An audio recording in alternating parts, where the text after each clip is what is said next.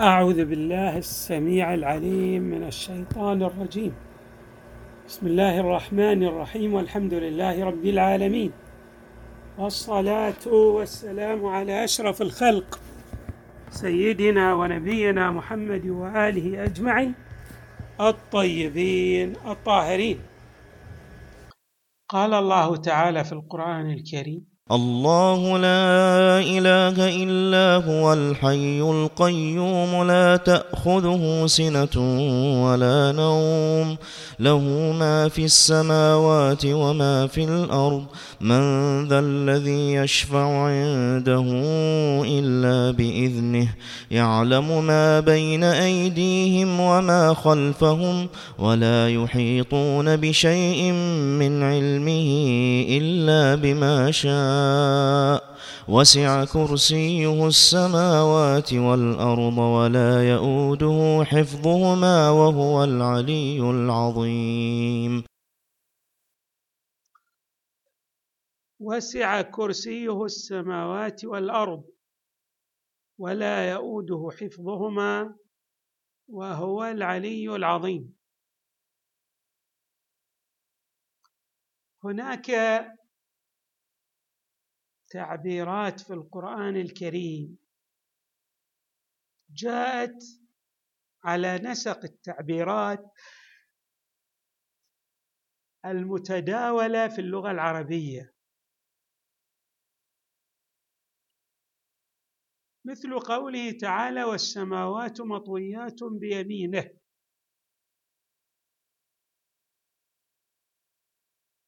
أو كلمة العرش. وهنا أيضا كلمة الكرسي. بل يداه مبسوطتان كلمة اليد. كل هذه التعبيرات في اللغة العربية جاءت بمعان متعددة. مثلا اليد في اللغة العربية من معانيها النعمة. ومن معاني اليد أيضا القدرة. ومن معانيها اليد القدرة والقوة ومن معانيها هذه اليد التي هي عضو للإنسان. فإذا قال الله تعالى في القرآن الكريم بل يداه مبسوطتان بالتأكيد لا يراد بذلك الجارحة وإنما يراد عن أن الله تبارك وتعالى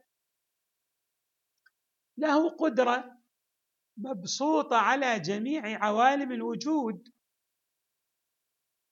لا يخرج منها شيء.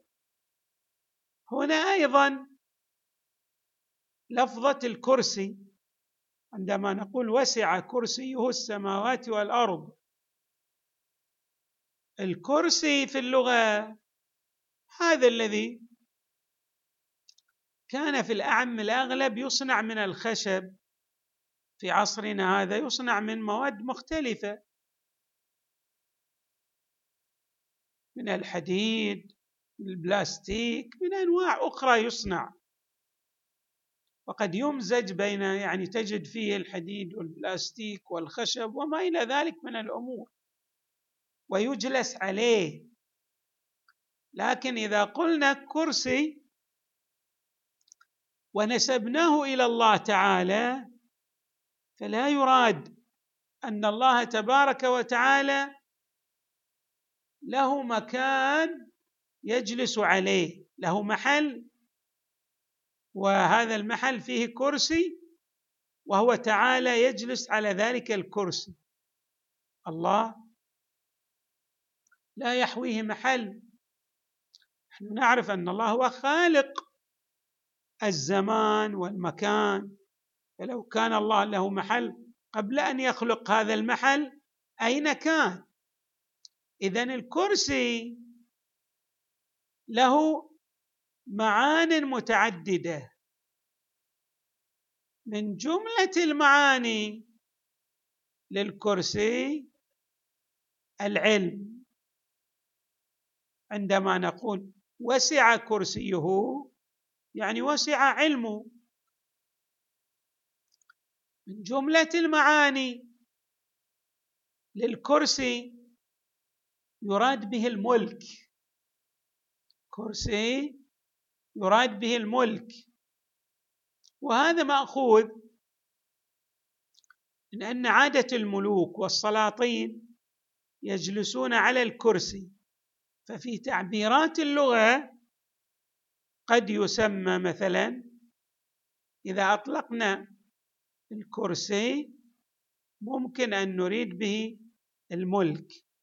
وهو بهذا يعني لا يراد به الملك وإنما يتضمن معنى الملك والهيمنة التصرف في هذا الملك.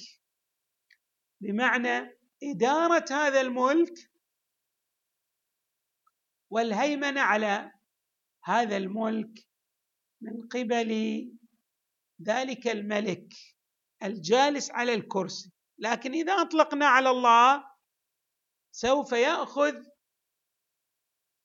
مزيجا من هذه المعاني إذا صح التعبير. وسع كرسيه يعني أن علمه المقترن بقدرته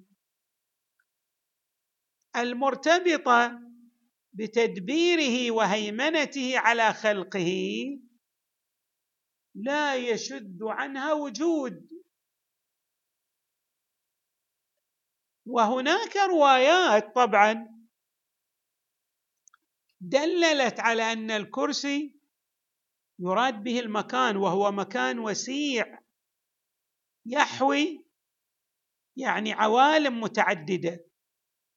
وقد يكون لهذه الروايات قد يكون لها معنى يعني تشير إلى معنى وأن الكرسي يراد به مكان أوسع قد يكون. ولكن الآية الكريمة يمكن أن يراد بها هذا المزج الذي ذكرناه بين العلم والقدرة والإدارة والتصرف والهيمنة على الكون.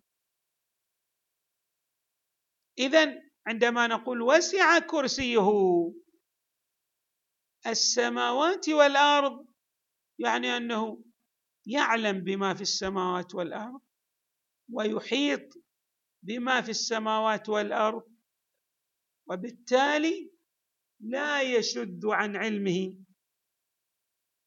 وعن إحاطته شيء مما في السماوات والأرض. فالمعنى يصبح واضحا. أما إذا قلنا المعنى الثاني يعني أن الكرسي هو المكان وبالتالي المكان الذي يسع ماذا؟ يسع مثلا مجموعة من المجرات أو الكواكب. ليس معنى هذا أنه آه هذا المعنى ليس بصحيح أو ليس بسديد. قد يكون من المعاني التي لم تصل إليها العقول لم تدركها الألباب. قد يكون ذلك أو أن العلم في المستقبل قد يكشف عن صحة ذلك في زماننا المعارف البشرية لم تصل إلى يعني وجود له سعة يحتوي هذه العوالم. نعم هناك مجرات وكواكب وبعضها أكبر من بعضها الآخر. لما نقول إن هذا الوجود يسع كل هذه الوجودات بمعنى يشتمل عليها ويضمها هذا يعني لم يكشفه العلم. العلم لم يكشف ذلك. على كل.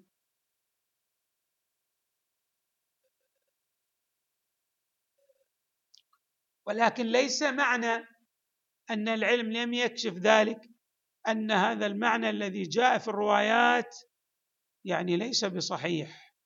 لا. قد يكون هذا المعنى صحيح والقرآن الكريم يستخدم بعض الألفاظ في أكثر من معنى. في أكثر من معنى. هناك نظرية لدى الأصوليين خلاصتها أنه لا يجوز استخدام اللفظ في أكثر من معنى. ولكن هذه النظرية بالتأكيد يعني معناها الدقي لا يمكن الالتزام به. الصحيح أنه يصح استخدام اللفظ في أكثر من معنى في آن واحد. بنحوين بمعاني طولية وكذلك بمعاني عرضية. طبعا هذا يحتاج إلى بحث وتدليل ولكن هذا هو الصحيح. ولعل ما ورد في الروايات إن القرآن له باطن ولبطنه باطن إلى سبعة أبطن أو إلى سبع بطون يريد به ماذا؟ أو يراد به هذا المعنى. المهم أن الكرسي له أكثر من معنى.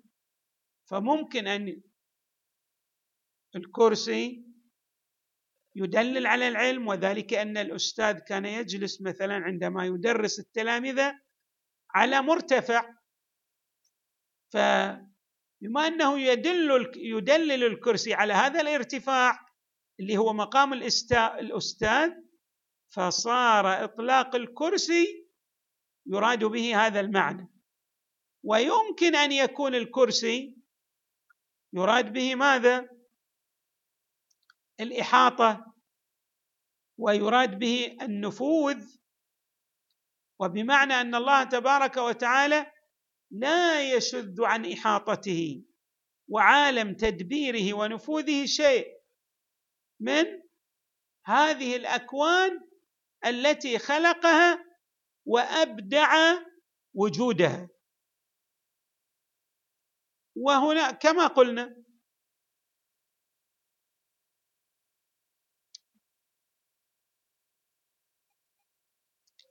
روايات. مثلا من هناك رواية عن الإمام الصادق. عندما سئل عن معنى وسع كرسيه السماوات والأرض. قال هو العلم. نعم. فإذا هذه الرواية تؤيد ماذا؟ رواية أخرى عن الإمام علي عليه السلام. قال الكرسي يحيط بالسماوات والأرض وما بينهما وما تحت الثرى. لعل بادئ ذي بدء من الرواية الثانية الواردة عن علي عليه السلام. يظهر منها المكان. تلك الرواية يراد بها العلم اللي وردت عن الصادق. رواية أخرى تقول عن الإمام الصادق ما السماوات والأرض عند الكرسي إلا كحلقة كحلقة خاتم في صحراء في فلاة وما الكرسي عند العرش إلا كحلقة في صحراء أيضا يعني في فلاه كل هذه المعاني الواردة قلنا لا بأس بها. يعني لا يتعارض استخدام الكرسي بمعنى العلم مع استخدام الكرسي بأن منطقة يعني بمعنى المكان الواسع الذي يحوي مجموعة من الكواكب والمجرات والعوالم قد يكون هذا صحيح وهذا صحيح. كذلك لا يتضاد ولا يتنافى مع كون الكرسي يراد به ماذا؟ النفوذ والتدبير وبسط القدرة على هذه العوالم التي أبدع الحق تبارك وتعالى وجودها. يعني يمكن أن يكون آه، الكرسي استخدم وله أكثر من معنى كما أشرنا إلى ذلك. لو كان بعض المعاني استخدامه يتنافى مع بعضها الآخر لما صح إطلاق الكرسي إلا على أحد المعاني. لكن نجد أن هذه المعاني بينها تلاقي على حد التعبير الشائع يعني تقاطع تلتقي في مضامينها ومعانيها. يعني العلم يلتقي مع القدرة والنفوذ وسعة الملك والتدبير وهلم جرى. فهذه المعاني إذن غير متنافية حتى نضطر إلى حصر معنى الكرسي بواحد من المعاني فقط ليس إلا الأمر ليس كذلك.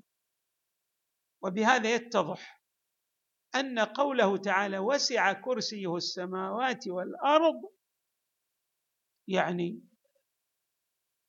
جميع عوالم الوجود العلوية والسفلية يعلم بها الله بناء على أنه الكرسي يراد به العلم أو تحت نفوذ الله تبارك وتعالى وهيمنته وقدرته أو أن هناك كرسي يسع هذه المخلوقات السماوية والأرضية.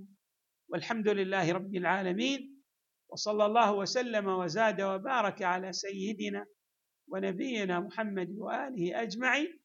الطيبين الطاهرين.